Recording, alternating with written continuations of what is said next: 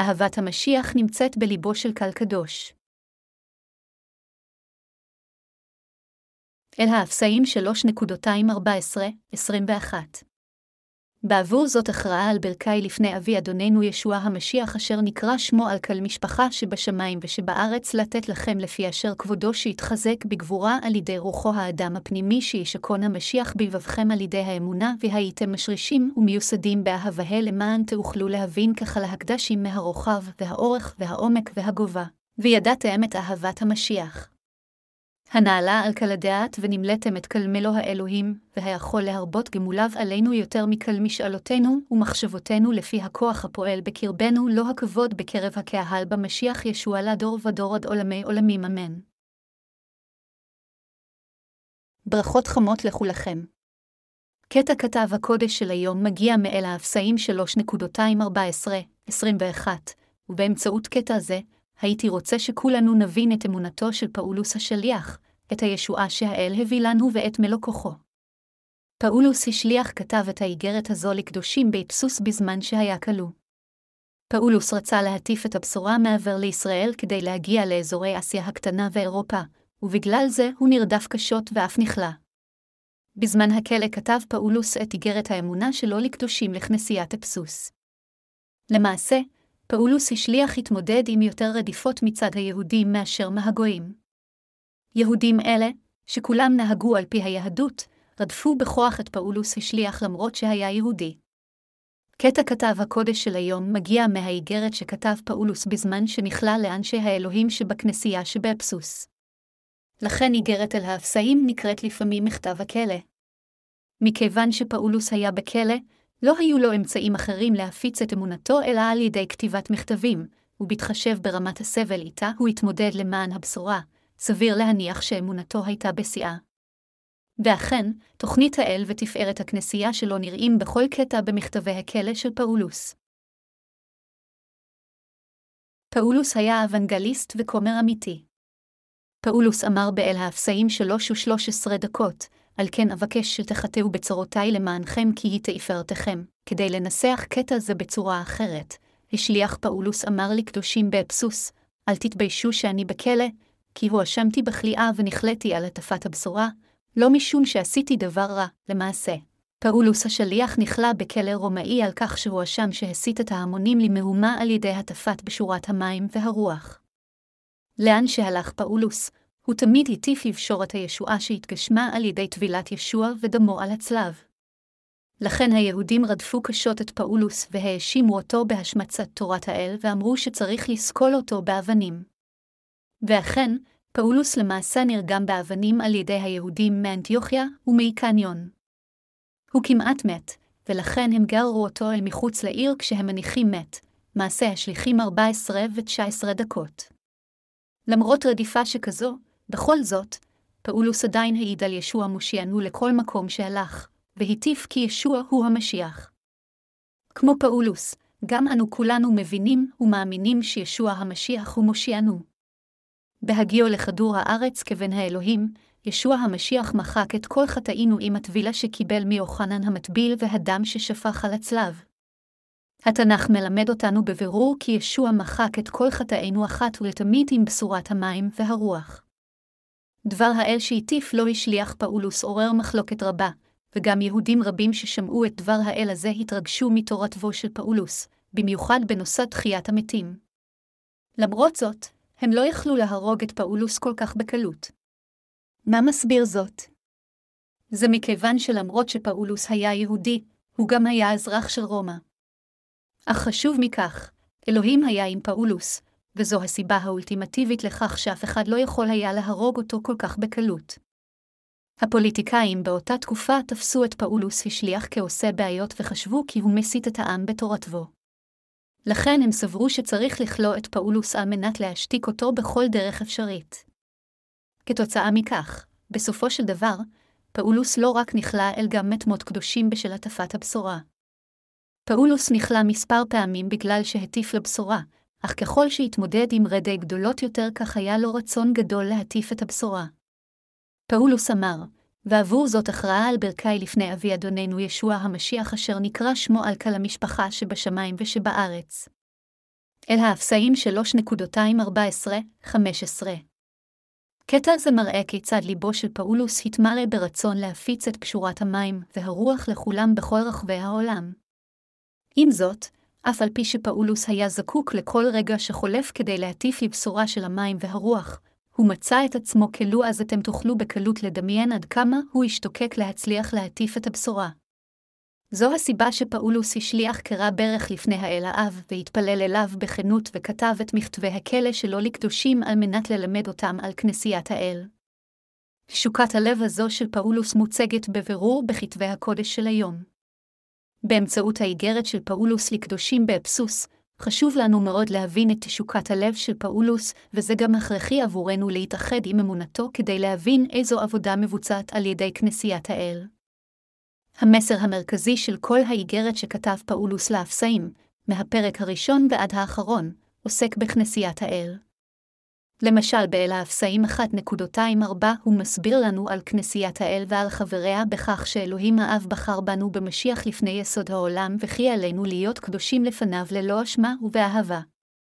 קטע זה שפאולוס מדבר על כנסיית האל, הוא האמת שלא ניתן להכחישה, וכולנו צריכים להאמין באמת הזו ולהודות לאל על כך. כולנו כאן צריכים לממש את רצונות הלב של פאולוס ללמד אותנו את האמת הזו, והבנתנו את כנסיית אלוהים, והאמונה שלנו בה חייבות להיות זהות להבנתו ואמונתו של פאולוס. בעת קריאת את איגרות פאולין, הצלחתי להבין שאמונתו של פאולוס מבוססת על בשורת המים והרוח. אכן, יכולתי לראות שידיעתו של פאולוס לגבי האמת על אלוהים ואמונתו הבלתי מעורערת מחלחלים מכל אחד ואחד מדבריו ומכל אחת ואחת מאמונותיו.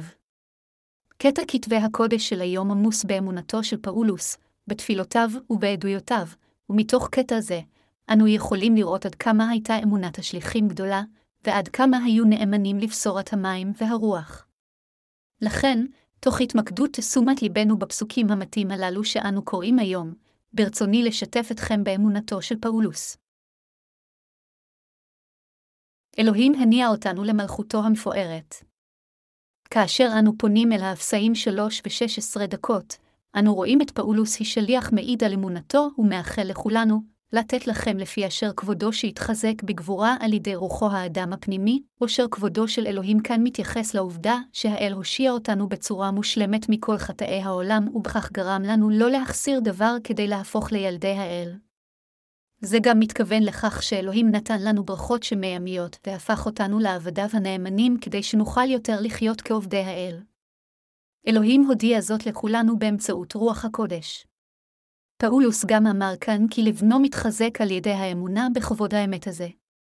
זו הייתה אמונתו הבלתי מעורערת של פאולוס שאלוהים הפך אותו ואת כל הקדושים לעמו שלו בהתאם לאושר תפארתו ועוצמתו.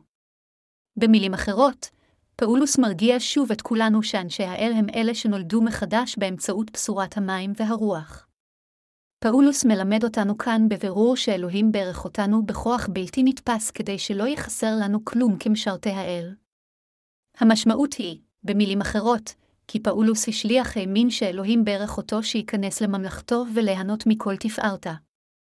למה פאולוס שיחל מעומק ליבו? הוא השתוקק להפיץ את אמונתו לכולם, מהיהודים ועד לגויים כאחד. זו הייתה תשוקת הלב של פאולוס שכל אין ספור האנשים יאמינו בישוע המשיח כמושיעם על פי חסדו של אלוהים ואושר תפארתו. לכן פאולוס הטיף את פשורת המים והרוח לכל החוטאים, ואפשר להם להיוושע בצורה מושלמת מכל חטאיהם, והוא גם לימד את הקדושים לסמוך על האמת הזו בכל ליבם, כך שלעולם לא יוותרו על אמונתם לאף אחד. הוא איחל לכולם לשמור על אמונתם חזקה כזאת אשר תעשה אותם להיות ראויים לחיילי המשיח. עתה, קחו רגע כאן ודמיינו שאתם בעצמכם כלואים כמו פאולוס על הטפת הבשורה. אם היה ניתן לכם חופש כלשהו לכתוב מכתב בכלא, איזה מכתב הייתם כותבים לאלו ששמעו ממכם את הבשורה? אני בטוח שהייתם כותבים להם כדי שיעמדו באמונה. פאולוס השליח לא רק בישר את הבשורה לקדושים באבסוס, אלא גם שיתף אותם בלחם הימזין את צמיחתם הרוחנית. הוא אמר להם שכמו שהוא משתתף בכבודו של אלוהים על ידי אמונה בפשורת המים והרוח, גם על קדושי אפסוס להאדיר את אלוהים על ידי הדלקת לפיד אמונתם לעד, לעולם לא לאפשר לאמונתם באדון להתפרק תחת כל נסיבות שהן, הניסיונות או רדיפות. פאולוס השליח אמר באל האפסאים שלוש ושש עשרה דקות כי הוא רצה שין, שהתחזק בגבורה על ידי רוחו האדם הפנימי. אל האפסאים שלוש ושש עשרה דקות. האדם הפנימי מתייחס כאן לאמונת הקדושים. במה אם כן מתחזק האדם הפנימי שלנו כקדוש? אנו מתחזקים על ידי האמונה בבשורה המים והרוח בתפארתה. המשמעות היא שברגע שנמחה לנו מכל חטאינו והפכנו לצדיקים לנצח על ידי האמונה בבשורת המים והרוח, כעת לא חסר לנו דבר על מנת לחיות כעמו של אלוהים. כולנו מאמינים בבשורת האמת של המים והרוח. אך כיצד היינו מרגישים אילו היינו באותן הנסיבות בהן נמצא פאולוס השליח? כמובן, מכיוון שלא היינו באמת בכלא, איננו יכולים להבין עד כמה ודאי היה פול מתוסכל ומדוכא. אבל אם נכניס את עצמנו לנעליו ונדמיין שאנו כמו פאולוס כותבים מכתב לקדושים אחרים, אז היינו נוכל להבין ולהעריך טוב יותר למה התכוון פאולוס כשכתב לקדושים באפסוס שהוא רוצה שאלוהים, לתת לכם לפי אשר כבודו שיתחזק בגבורה על ידי רוחו האדם הפנימי. אל האפסאים שלוש ושש עשרה דקות. ואם היינו הקדושים באבסוס והיינו מקבלים מכתב זה מפאולוס, ללא ספק רוחנו הייתה מתחזקות בבשורת האמת של המים והרוח הנמצאת בלבנו. בעודנו ממשיכים בחיינו בעולם הזה, מעת לעת אנו צפויים להיתקל בניסיונות. עם זאת, מכיוון שאתם ואני מאמינים בבשורת המים והרוח, ליבנו לעולם לא יתייאש, לא משנה מול אילו ניסיונות נעמוד, כולנו נוכל להגן על אמונתנו בבשורת המים והרוח ולחיות על פי רצון האל. יתר על כן, על ידי האמונה באל אנו מטיפים את פשורת המים והרוח בכל רחבי העולם. אם ליבנו אי פעם מיואש, זה רק מכיוון שהחלטנו שלא לחיות רק למען בשורת המים והרוח. אכן, במיוחד בסוף הזמנים הללו, כאשר החיים בעולם הזה נעשים קשים יותר ויותר, עלינו להאמין אף יותר באמת הישועה הבאה בבשורת המים והרוח, ועלינו להטיף אותה לכולם אף יותר בחריצות. כל הקדושים ומשרתי האל חייבים להתחזק עוד ועוד על ידי האמונה בבשורת המים והרוח, הבשורה שבאמצעותה האל הושיע את כולנו. לכן אני מבקש מכם לעולם לא לשכוח שכולנו יכולים לנהל חיים אמיצים, כי כולנו נושענו מכל חטאינו על ידי האמונה בבשורת המים והרוח. כל רץ שעומד לרוץ במרוץ חייב להכין את ליבו ולמקד את דעתו במרוץ שלפניו. בדומה לכך, עלינו גם לקבוע את מוחנו בבירור כאשר אנו מחליטים לחיות למען אלוהים לאחר שקיבלנו את מחילת החטאים על ידי האמונה בבשורת המים והרוח. אמונתנו תמיד חייבת להיות מכוונת לאלוהים. כאשר אנו ערים כל הזמן ומתכוננים לשובו של האדון על ידי האמונה בבשורת המים והרוח, האדם הפנימי שלנו מתחזק ואנו מסוגלים להתגבר על כל הניסיונות שלנו. כל הדברים האלה אפשריים רק כאשר אנו מראש מחליטים על לבנו לחיות על פי אמונה. זה נכון שאנשים רבים בעולם הזה מביטים מטה על אמונתם של הקדושים ומשרתי האל, או אפילו מנסים לדכא אותה. אך למרות זאת, אם אתם באמת מאמינים בבשורת המים והרוח ושמתם את לבבכם על האל, אז לעולם לא תכנעו להם, ולא משנה אילו ניסיונות ומצוקות יהיו לכם. למרות שאנו עלולים להיות חסרי אונים לפניהם כלפי חוץ, האדם הפנימי שלנו בסופו של דבר יגבור עליהם. מהו ההבדל המהותי שמבדיל אותנו מכל האנשים האלה שעדיין לא יודעים את בשורת המים והרוח? עצם העובדה שנולדנו מחדש על ידי האמונה בבשורת המים והרוח, יתר על כן, לא זו בלבד שהפכנו לעמו ולילדיו של האל, אלא גם יש לנו את האמונה המבורכת שלעולם לא תיכנע לאף חוטא. זה מכיוון שכבר יש לנו בליבנו את האמונה בבשורת המים והרוח. זה לא כוח הרצון שלנו המחזק את עצמנו כך שאנו יכולים להתגבר על כל הניסיונות והרדיפות שלנו, אלא זה מכיוון שכבר הפכנו לאנשים צדיקים על ידי האמונה בבשורת המים והרוח. האדון יכול לשכון רק בליבו של מישהו המאמין בבשורת המים והרוח. אל האפסים שלוש ושבע עשרה דקות אומר, שישכון המשיח בבבכם על ידי האמונה, והייתם משרישים ומיוסדים באהבה, אנו הצדיקים חסרי חיים אם אמונתנו באמת האלוהית תילקח מאיתנו אי פעם. כדי לוודא שאמונתנו לעולם לא תילקח מאיתנו, אתם ואני וכל אחד אחר בכנסייה שלנו חייבים להבטיח שהמשיח ישכון בלב כולנו, בדיוק כפי שפאולוס אמר בקטע כתב הקודש של היום, שישכון המשיח בלבבכם על ידי האמונה, והייתם משרישים ומיוסדים באהבה, אל האפסאים שלוש ושבע עשרה דקות. האמונה שיש לנו כעת בעיני אלוהים היא זו שנמצאת בבשורת המים, והרוח המהווה את צדקת האל. מהות אמונתנו היא מה שאנו מקווים לו ומצפים לו מהאל. אמונה באלוהים היא מהות הדברים שמקווים להם. אמונה מסוג זה היא האמונה הנכונה. במילים אחרות, אף שהעיניים הגשמיות אינן יכולות לראות את אמונתנו, יש בה מהות אמיתית. אמונה אמיתית היא אמונה המאמינה בדבר האמת שאינו נראה בעיניים גשמיות. או אחרת הכל לחינם. התנ"ך אומר בבירור, כי האמונה היא ביטחון במה השם צפה לו והוכחת דברים שאינם נראים, אל העברים 11.21. משמעות הקטע הזה היא שאמונתנו עוסקת באמונה במה שבאמת קיים למרות שהיא אינה גלויה לעינינו הערומות. במילים אחרות, מדובר באמונה בעבודת האל ובתוכניתו. אכן, כולנו מאמינים במחילת חטאינו ובחיי הנצח שאלוהים סיפר לנו. אין ספק שלאמת זו, מושא אמונתנו, יש מהות אמיתית. כיצד תוכלו להבטיח שהמשיח ישכון בלבכם? הדבר אפשרי רק כאשר יש לכם אמונה בבשורת המים והרוח. בשורת המים והרוח שהמשיח נתן לנו לא רק שוטפת את כל חטאיכם, אלא גם גורמת למשיח לשכון בלבכם. ובדיוק כפי שפאולוס העיד על אמונתו בפני קדושי אבסוס, אני גם יכול להעיד על אמונתי ולומר, לכולכם, שישכון המשיח בלבבכם על ידי האמונה, אל האפסאים שלוש ושבע עשרה דקות. זוהי ברכה שאי אפשר לתאר היום, שאנו נוכחנו להאמין בדבר בשורת המים והרוח. פאולוס השליח דיבר גם על מותו, על לידתו מחדש ועל תחייתו, שכולן הושגו על ידי איחודו עם ישוע המשיח באמונה.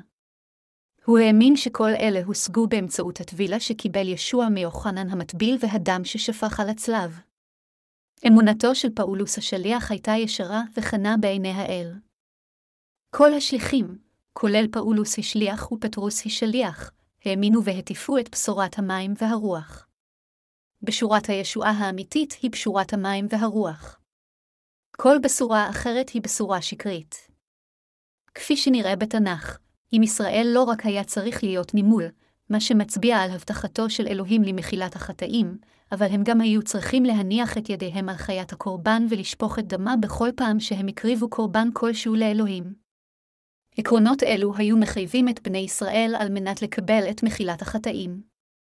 בהתאם לאותם עקרונות, ישוע המשיח בא לעולם הזה, נשא את כל חטאי המין האנושי בכך שנטבל על ידי יוחנן המטביל, נשא את כולם אל הצלב ושפך את דמו למוות וקם מן המתים שוב כדי להושיע את כולנו. זה מה שאומרת פשורת המים והרוח, וזוהי המהות של הבשורה האמיתית. בשורת המים והרוח היא הבשורה האמיתית והיחידה שהתנ"ך מדבר עליה. פאולוס השליח אמר, שישכון המשיח בלבבכם על ידי האמונה, אל האפסאים שלוש ושבע עשרה דקות. כמו שאלוהים האב קדוש, כך גם ישוע המשיח הוא האדון הקדוש לנצח. לפיכך, חובה עלינו להאמין בבשורת המים והרוח שנתן לנו ישוע, ובכך לוודא שלבנו ישכון באמונה אמיתית. אנו כמושחתים, עד כי לא ניתן להשוותו אפילו לשואה. כבני אדם, אנחנו זרע של חטא מטבענו.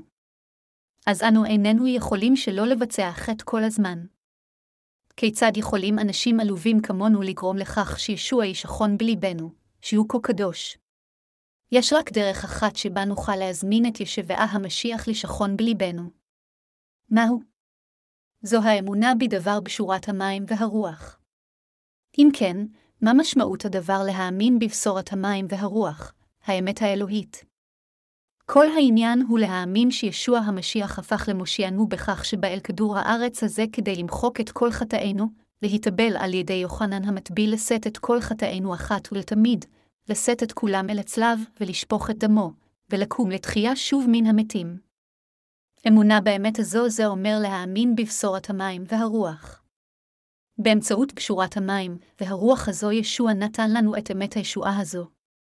ועל ידי אמונה באמת הזו של ישועה, אנו יכולים לקבל שמושיע זה ישכון בליבנו. האדון אומר שהוא הושיע אותנו מכל חטאי העולם בכך שבא לארץ הזו במים ודם, הראשונה ליוחנן 5.238. וכולנו נושעים על ידי האמונה בבשורת המים, והרוח וקבלת האדון כמושיענו. פאולוס אמר, שישכון המשיח בלבבכם על ידי האמונה, אל האפסאים שלוש ושבע עשרה דקות. האדון אומר שאמונתנו בבשורת המים, והרוח היא האמונה הנכונה. על ידי האמונה בבשורה זו של המים והרוח אנו יכולים לקבל את מחילת החטאים לליבנו. לכן האדון שלח אלינו את רוח הקודש לשכון בליבנו, כי ישוע המשיח הפך למושיענו דרך המים שלו ודמו. מי שמאמין עתה בבשורת המים והרוח רוח המשיח נכנסת לליבו, אבל מי שלא מאמין בבשורה אמיתית זו לעולם לא יראה את ישוע נכנס לליבו. כך נבדלים אלה שיש להם את רוח הקודש מאלה שאין להם. בקיצור, האמונה בישוע המשיח עוסקת באמונה בבשורת המים והרוח. מטבענו, אתם ואני נועדנו למות על חטאינו ולהיות מושלכים לגהינום. מכיוון שליבנו היה מלא חטאים, לא הייתה לנו ברירה אלא להיהרס ולהיות מושלכים לגהינום על חטאינו, אך כעת נושענו מכל החטאים הללו הודות לבשורת המים והרוח. בדיוק כמו שכתוב בתנ"ך, שכר החטא הוא המוות, אל הרומים 6.23, תורת האל כל כך מחמירה שכל מי שיש לו חטא כלשהו חייב להיות מורשע בלי יוצא מן הכלל. אם אתם מפרים חוק חילוני כלשהו, עליך להישפט בהתאם, וכיצד תוכלו להימלט מן הרשעת החטא כאשר אתם מפרים את תורת האל? חוקי תורת האל קובעים בבירור, שכר החטא הוא המוות. כל מי שביצע חטא אחד בלבד עד כה חייב להיות מורשע על ידי האל על חטא זה. לכן זה רק דבר מובן מאליו שכל מי שיש לו חטא בכל צורה או תבנית צריך להיות מושלך לגיהינום. קחו רגע לחשוב על זה לפני דבר האמת. עד שמצאנו את ישוע המשיח, כלומר, עד שהבנו את פשורת המים והרוח, כולנו אכן חטנו, ולכן נועדנו כולנו להיות מושלכים לגיהינום. לא משנה כמה נלהבים היינו מאמינים בישוע, אם היה לנו חטא בליבנו, היינו צריכים ללכת ישר לגיהינום. הלב שלכם ושלי חותם מיסודו בגלל טבענו. כיצד זה נעשה אפשרי אם כן, שישוע המשיח ישכון בליבנו? הדבר התאפשר משום שקיבלנו את מחילת החטאים על ידי האמונה שהאדון בא אל הארץ הזו בהתגלמות אדם, שהוא נשא את כל חטאינו בכך שנטבל בנהר הירדן, שהוא נשא את כל חטאי העולם אל הצלב והורשע על ידי שנצלב למוות במקומנו ושהוא שוב קם לתחייה. בגלל האמונה הזאת שלנו, ישוע המשיח אדוננו הקדוש שוכן בליבנו. מה שפאולוס השליח אמר לקדושים באבסוס זה לקבל את ישוע המשיח על ליבם על ידי האמונה בבשורת המים והרוח. האם אם כן הוא דיבר באיגרת זו על הטבילה שקיבל ישוע המשיח? כן, פאולוס דיבר בבירור על טבילתו של ישוע באיגרתו לאפסים. הוא גם דיבר על טבילתו של ישוע באיגרת שלו אל הגלתים וכן גם באיגרת שלו אל הקולוסים. למעשה, כל איגרת פאולין מדברת על טבילת ישוע ודמו. בכל פעם שאנו שומעים את דבר האל עלינו לפתוח את ליבנו ולהקשיב לו באמונה, כשם שגם מי שמטיף לדבר האל חייב לעשות כן. גם מחשבותינו צריכות להיות בהתאם לדבר האל, אל לנו אף פעם לחשוב בעצמנו. כתוב בפסוק של היום שהאל נכנס לליבנו כאשר אנו מאמינים שהמשיח הושיע אותנו מכל חטאינו, ואז, משרישים ומיוסדים באהבה, אל האפסאים שלוש ושבע עשרה דקות. האהבה בקטע זה מתייחסת לאהבתו של ישבעה, כלומר, אהבתו של אלוהים אלינו. ואלוהים גילה לנו את האהבה הזו באמצעות אף אחד אחר מלבד ישוע. כאשר אנו פונים ליוחנן פרק אחת ורואים מה עשה למעננו ישוע עלי אדמות, אנו יכולים לראות עד כמה אלוהים אוהב את כולנו. אלוהים אמר כאן באל האפסאים שלוש ושבע עשרה דקות שהוא רוצה שבסיס האמונה שלנו יהיה מושרש ומיוסד באהבתו. זאת אומרת שאמונתנו צריכה להיות מושרשת עוד יותר בבשורת המים והרוח, הבשורה שבאמצעותה אלוהים הושיע אותנו מכל חטאי העולם. כאשר אנו מצמצמים את פשורת המים והרוח למילה אחת בלבד, המילה היא אהבה בתמציתיות, כאשר מרחיבים את האהבה לשתי מילים, המילים הם אהבת האל, ואהבתו של אלוהים היא לא אחרת מאשר אהבת המשיח. לפיכך, בשורת המים והרוח, אהבת המשיח היא שאפשרה שהמשיח ישכון בליבנו. זה הכל בזכות אהבת המשיח שאנו הפכנו לילדי האל ולאנשי מלכותו. זו הסיבה שאנו מסוגלים לאהוב אחרים ולשרת את פשורת האמת. הפכנו לאנשים מבורכים השוכנים באהבת המשיח. עם זאת, אם אהבתו של ישוע תילקח מאיתנו, נשמתכם ונשמתי תגבע כמו צמח שלא יכול לקבל אור שמש. מסיבה זו התנ"ך אומר, דעתיה של השאלת תעמודנה האמונה והתקווה והאהבה והגדולה שבהן היא האהבה, הראשונה אל הקורנטיים 13 ו-14 דקות. אהבה זו, יתר על כן, היא אהבה אחווה ללא תנאי.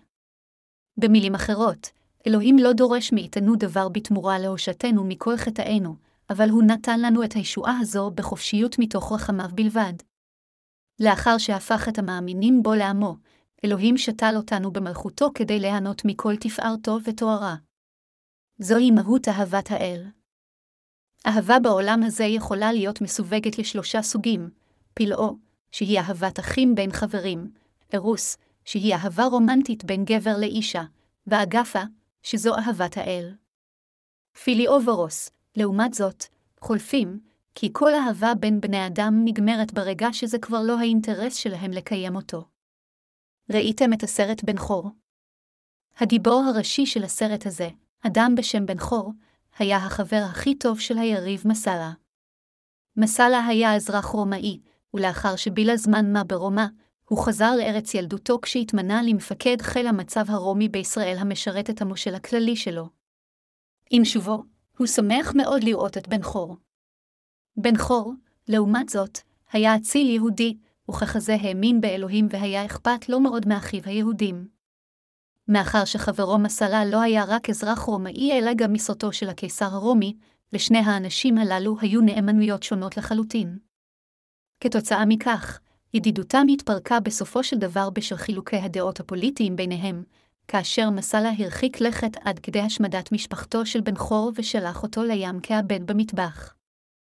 אבל חייו של בן חור ניצלו בזכות עזרתו של האל, וכשחזר לארץ, הוא התעמת עם מסלה במרוץ מרכבה עקוב מדם, ובסופו של דבר גבר עליו. הסרט מראה כיצד בן חור גדל והפך לאיש אמונה באמצעות מבחנים. כך, ידידות יכולה להתנפץ בקלות כאשר יש ניגוד אינטרסים. האהבה בין גבר לאישה נשברת לחלוטין ברגע שהם נפרדים מדרכם. לעומת זאת, אהבתו של אלוהים אלינו אינה מבוססת על אינטרס עצמי כלשהו. זה לגמרי לא אנוכי, כי אלוהינו אהב אותנו כל כך, שכאשר כולנו נועדנו לגיהינום, הוא בא באופן אישי אל האדמה הזאת כדי להושיע אותנו מכל חטאינו, נשא את כולם על גופו שלו, הורשע על חטאינו במקומנו, וקם מן המתים שוב.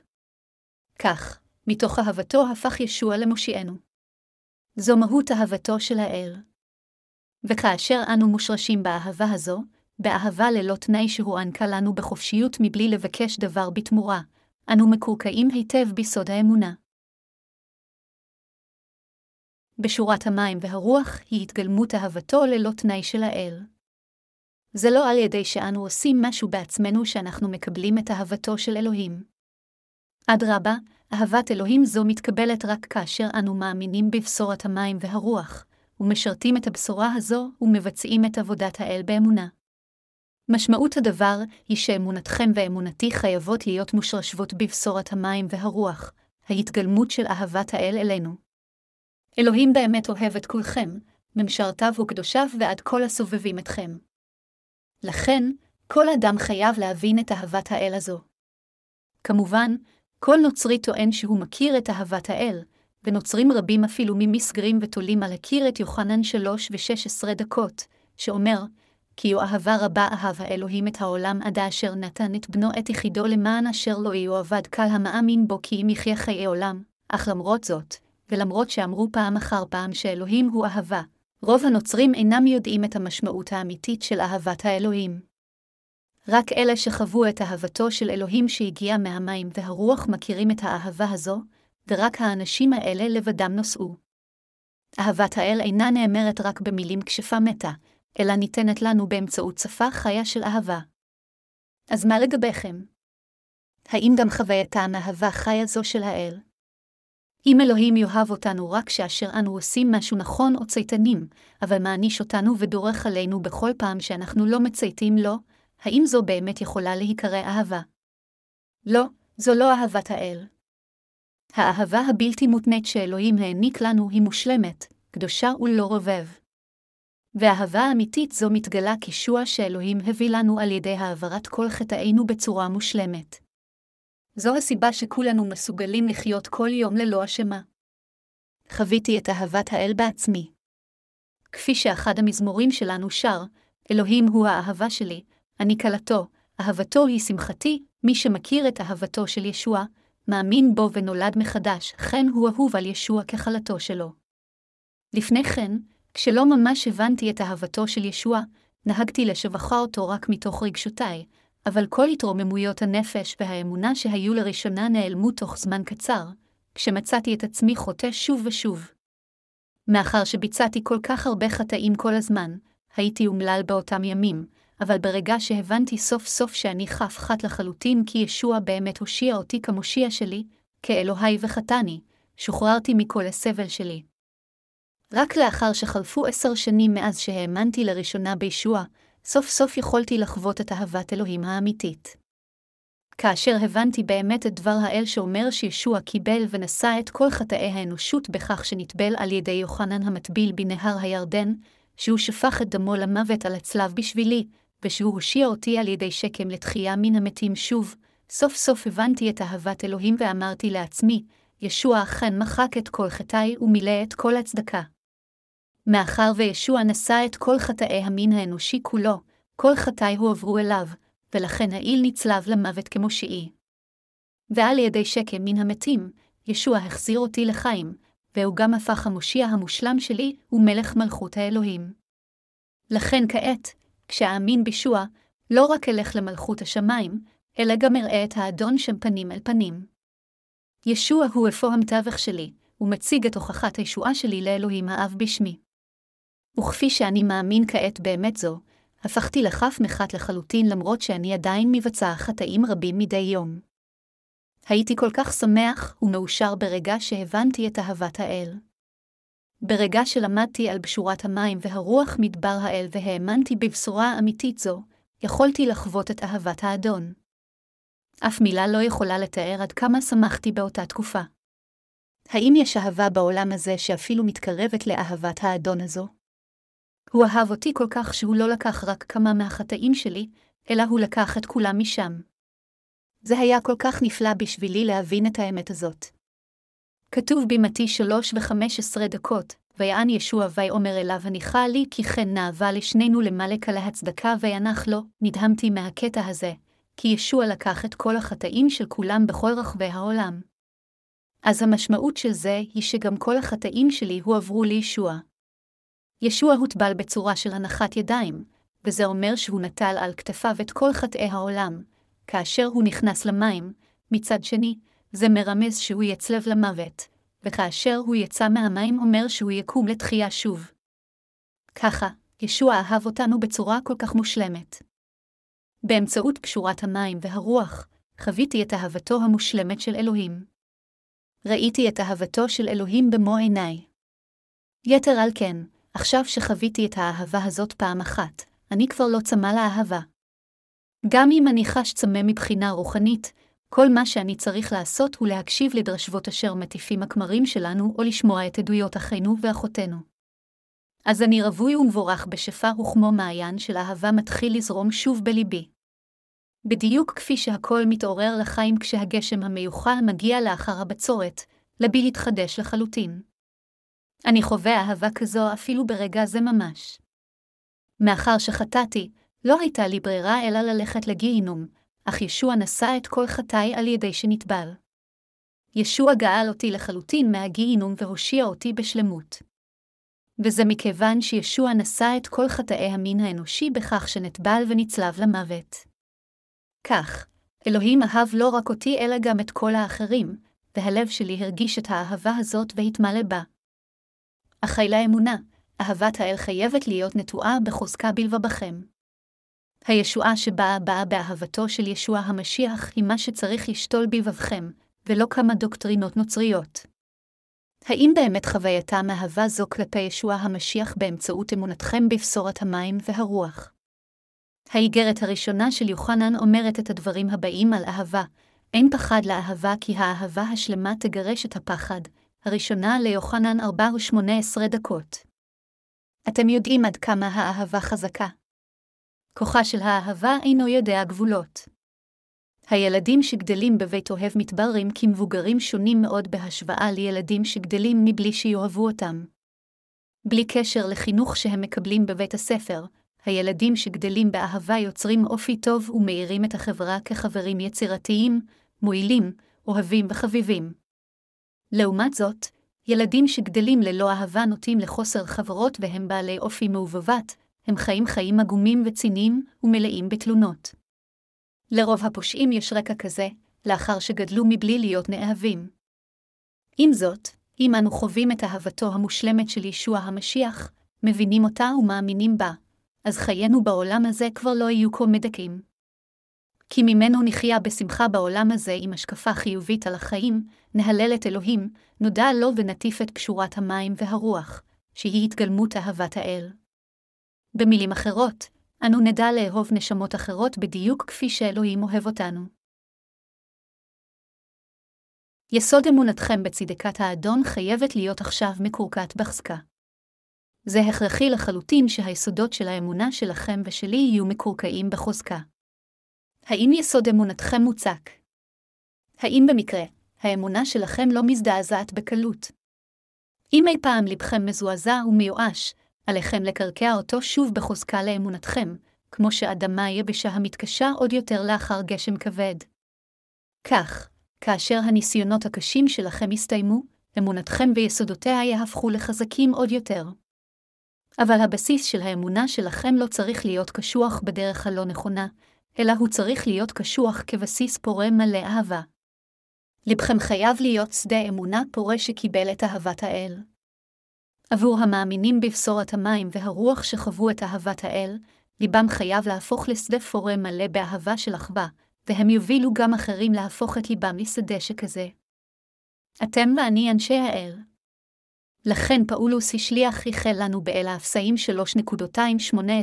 3.18-19, שנוכל להבין ככה להקדשים מהרוחב והאורך והעומק והגובה וידעתם את אהבת המשיח הנעלה על לקל דעת ונמלאתם את קל מלוא האלוהים, אל האפסאים 3.18-19. האם אתם מכירים את רוחב אהבתו של אלוהים שמתוכה הוא הושיע אתכם ואותי? הבא ננסה למדוד את אהבת האל ונראה אם נוכל להעריך עד כמה רחבה היא הישועה שאלוהים נתן לנו. האם אלוהים נשא רק את חטאיכם בכך שנטבל? לא, הוא נשא את כל חטאי המין האנושי כולו אחת ולתמיד, לקח על עצמו כל חטא של כל מי שחי על הפלנטה הזאת. יתר על כן, אלוהים נשא לא רק את כל חטאי המין האנושי כולו, אלא גם לקח לנצח את כל העברות של המין האנושי, חסרונותיו ואפילו חולשותיו. אם מוחנו המוגבל פשוט בלתי אפשרי למדוד או לאמוד את העומק והרוחב של אהבת האלוהים. ישנן דתות רבות בעולם זה, כולל הנצרות הגשמית. הנצרות, כדת לפחות, מלמדת את תלמידיה להיוושע על ידי האמונה במה שישוע המשיח עשה עבורם, לעומת זאת, כל הדתות האחרות בעולם הזה מדגישות סגפנות וביטול עצמי ומלמדות את חסידיהן להפוך לאל באמצעות המאמצים שלהם. זה מה שמבדיל את הנצרות מכל הדתות האחרות. עם זאת, ישוע המשיח נשא את כל החטאים אפילו של כל האנשים האלה הטועים המנסים להגיע לישועה באמצעים משלהם וגאל את כולם. האל בחר ביהודים כאמור בהשגחה העליונה. האם אלוהים, אם כן, אהב רק את היהודים? לא, אלוהים אהב לא רק את היהודים אלא גם את כל הגויים, והושיע את המין האנושי כולו ללא כל אפליה. האדון לא רק לקח את חטאיכם וחטאי כמאמינים של ימינו, והוא גם לא נשא רק את חטאי העם היהודי, אלא נשא את כל החטאים של כל העולם הזה והתעלה מעבר לכל הכתות הדתיות והזרמים. ומכיוון שישוע נשא את כל חטאי כולם אחת ולתמיד, מי שמאמין באמת הזו הוא חף מחט לחלוטין. עד כדי כך רחבה אהבתו של ישבעה. האם אתם יודעים מהו אורך אהבתו של אלוהים אלינו? ברגע שנולדנו על פני האדמה הזאת, אף אחד מאיתנו לא יכול היה שלא לבצע חטא כל יום, ולכן כולנו נועדנו להיות מורשעים על חטאינו, להיות מוצאים להורג ולהיות מושלכים לגיהינום. אף על פי כן, כדי להושיע אנשים עלובים כמונו, אלוהים עצמו לקח על עצמו את כל חטאינו בכך שנטבל, והוא נשא את כל ההרשאות של החטאים האלה על הצלב. האם אתם יכולים אפילו להתחיל לדמיין כמה חטאים אלוהים נשא? האם ישווה לקח את החטא הקדמון? האם הוא נשא רק את חטאי העבר שלכם? לא, ישוע נשא את כל חטאיכם לנצח. הוא נשא לא רק את חטאי העבר שלכם, אלא גם את חטאיכם הנוכחיים, והוא אפילו לקח על עצמו את כל החטאים שתבצעו בעתיד. זהו אורך האהבה שהעניק לנו האדון. גם אם ישוע היה נושא רק חטאים של אדם אחד, זה עצמו היה מדהים מספיק, אבל הוא נשא את כל החטאים של המין האנושי כולו בעולם הזה, ולכן אורכה ורוחבה של אהבתו לעולם לא יוכלו להימדד באמצעים אנושיים כלשהם. כאשר ישוע המשיח בא אל הארץ הזאת, הוא נשא כל חטא לנצח, התעלה על הזמן והמרחב. הוא תיעב את החטא עד כדי כך שהוא אסף את כל החטאים ושטף את כולם. לאחר שהעלה את יוחנן המטביל כנציג האנושות, האדון גרם לו להעביר את כל חטאיו לגופו על ידי שנטבל. העובדה שישוע הושיע את המין האנושי כולו בכך שקיבל את כל חטאיו ונשא את הרשעותיו אלו הם האורך והרוחב של אהבת האדון. עכשיו, האם נשאר חטא על כדור הארץ הזה? ודאי שלא. עם זאת, מכיוון שעדיין ישנם אנשים רבים המסרבים לקבל את הבשורה החזקה הזו של המים והרוח, אנשים אלה אשמים בחטאיהם. במילים אחרות, למרות שכל מי שמאמין בבשורת המים והרוח אין בו חטא, אלה שאינם מקבלים את בשורת האמת הזו אשמים בביצוע חטא של אי-אמונה, ולכן כולם יורשעו בחטא זה. למרות שאהבתו של אלוהים היא כל כך אינסופית שהוא נשא כל חטא שהוא ואין חטא שהוא לא נשא, עדיין ישנם אנשים רבים המסרבים להאמין באמת הזו, ולכן לאלוהים אין ברירה אלא להרשיע את כולם. אין זה משנה אם החטאים שלכם נעשים במתכוון או שלא במתכוון, בגלוי או בסתר, כי ישוע נשא כל אחד ואחד מחטאיכם. כך ישוע הפך למושיעכם. מה גובה הישועה הזאת? ישוע לא רק הושיע אותנו, אלא גם הושיב אותנו על כס מלכותו של כבוד אלוהים. העובדה שהאל הפך את מעמדנו לילדיו של אלוהים האב והלביש אותנו בתפארתו, היא שיא אהבתו של אלוהים אלינו. האם אתם באמת מאמינים בזה, שהאל הלביש אותנו במלוא הדרנו? פאולוס גם הוכיח אותנו באל האפסאים שלוש ותשע עשרה דקות, וידעתם את אהבת המשיח הנעלה על קל דעת ונמלאתם את כלמלו האלוהים, אכן, זה הכרחי לחלוטין מבחינתכם ומבחינתי לדעת את אהבתו של ישוע הנעלה על כל ידע. רק כאשר אנו מבינים את מלוא אהבתו של ישביה, נוכל להיות גם מלאים בחסדו. עליכם להבין עד כמה ישוע נשא את כל חטאיכם באמצעות הטבילה שקיבל על האדמה, ולדעת את הרוחב, האורך והגובה של אהבה זו על פי ההבנה שיעל נתן לכם. זה לא על פי מות המדידה שלנו שעלינו לנסות לדעת את הרוחב, האורך והגובה של אהבת האל, אלא על פי ברומטר הישועה של האדון, עלינו להבין את אהבתו. עד כמה אלוהים הושיע אתכם בצורה מושלמת? אני מעלה את השאלה הזאת כי זה הכרחי לחלוטין בשבילכם כדי להבין עד כמה באופן מושלם ישוע נשא את כל החטאים שלכם ושלי דרך טבילתו ודמו על הצלב, ולדעת את הרוחב, הגובה ואורך האהבה הזאת. השאלה אם תוכלו לחוות את אהבתו של ישוע במלוא עומקה תלויה בשאלה אם תדעו עד כמה ישוע נשא את כל חטאיך לחלוטין כאשר נטבל. כמה מחטאינו נשא ישוע המשיח. מהו עומקה, רוחבה ואורך אהבתו של האדון שלקח על עצמו את כל חטאינו? מכיוון שלכם ולי יש חסרונות רבים, אנו איננו יכולים שלא לבצע חטא כל הזמן. האם ישוע גם נשא חטאים אלה? כמובן שהוא נשא. האם גם היום לא חטאתם? אנו כל כך נוטים לבצע חטא שלפעמים אנחנו חוטאים אפילו בחלומות שלנו. יש בני נוער שמבלים כל כך הרבה זמן מול מחשב נמשכים על ידי הפיתויים הרבים שלו שהם אפילו לא יודעים מה קורה מחוץ לחדרים שלהם, בין אם זה יום או לילה, וכאשר הוריהם מבקשים מהם לבצע כמה מטלות, הם חוטאים כשהם מורדים וצועקים עליהם בכעס. אבל לא רק בני הנוער שלנו חוטאים. גם מבוגרים חוטאים בדרכם שלהם. כולם חוטאים בדרך זו או אחרת, מתלמידים ועד עקרות בית, מבוגרים, ילדים וקשישים כאחד. אף אחד אינו חסין מפני חטא, אנשים מנומסים חוטאים בסתר מאחורי גבם של כולם, בעוד שאנשים שלא מתנהגים יפה חוטאים בגלוי ולרבה. עד כמה נשא ישוע את כל החטאים הללו בכך שנטבל. מהו עומקה של אהבה זו? מה רוחבה? מה אורכה? ישוע המשיח נשא כל חטא לנצח. עומקה, רוחבה ואורך הישועה שנתן לכם האדון מתרחבים עוד יותר כאשר אתם מודים בחטאיכם בכל פעם שאתם מבצעים אותם, ומכירים בכך שישוע נשא את כל חטאיכם בכך שנטבלתם. העומק והרוחב של האמונה שלכם שמגיעה על ידי רק פעם אחת של הבנה ואמונה שישוע נשא את כל חטאיכם לא יכולה להיות זהה לאלה שהגיעו לאמונה בעוד אתם מהרהרים או חושבים על הבשורה, ומאמתים אותה פעם אחר פעם. כשם שקישוט זהב מעודן יותר הוא חזק ומשוכלל יותר, מי שמזקקים את אמונתם יותר על ידי מחשבה על הבשורה האמיתית פעם אחר פעם הופכים אף יותר לאנשי אמונה בלתי מעורערים. כשהאמנו לראשונה בישוע, אמונתנו לא הייתה כל כך איתנה. גם לאחר שקיבלנו את המחילה מהחטאים, לעתים קרובות מצאנו את עצמנו נאבקים בנסיבות הקשות שלנו, ורק לאחר שהקשבנו לדבר האל מדי יום והתחלנו לנהל את חיי האמונה שלנו, הבנו עד כמה אנו מלאים בחסרונות. כך, חסד הישועה שלנו נעשה עמוק יותר, רחב יותר וארוך יותר. גם בעתיד, על כולנו להמשיך להרהר בחסד הישועה ולהרחיב את הגובה, האורך, הרוחב והנפח של אמונתנו. הידיעה על אמת הישועה, שישוע נשא את כל חטאינו לחלוטין באמצעות טבילתו, אינה מושגת רק על ידי חשיבה עליה פעם אחת, והיא גם אינה צומחת מעצמה באופן אוטומטי. הגובה והרוחב של הידע הזה כל כך גדול, כל כך מושלם, וכל כך נצחי, שלא ניתן להבין אותו לחלוטין גם אם נהרהר בו פעם אחר פעם, ולכן לוקח ימים ושנים רבות עד שנוכל להבין את גודל הישועה שלנו. בחנו את אמונתכם וחוו את אהבת המשיח קל יום, האם אתם מודים בחסרונותיכם ובחטאיכם לאלוהים בכל פעם שהם נחשפים? האם אתם מודים שביצעתם חטא בגלל חסרונותיכם? כולנו חייבים להודות בחטאינו לאלוהים. אך על פי שכל אחד מאיתנו יכול לסטות מדרך הישר, מעטים מאיתנו מודים בחטאינו לאלוהים.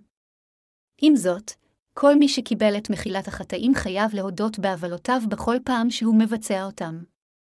לאחר שאנו מודים בהם כך, עלינו להרהר שוב בעובדה שישוע נשא את כל חטאינו בטבילתו ולשים את מבטחנו באמת זו.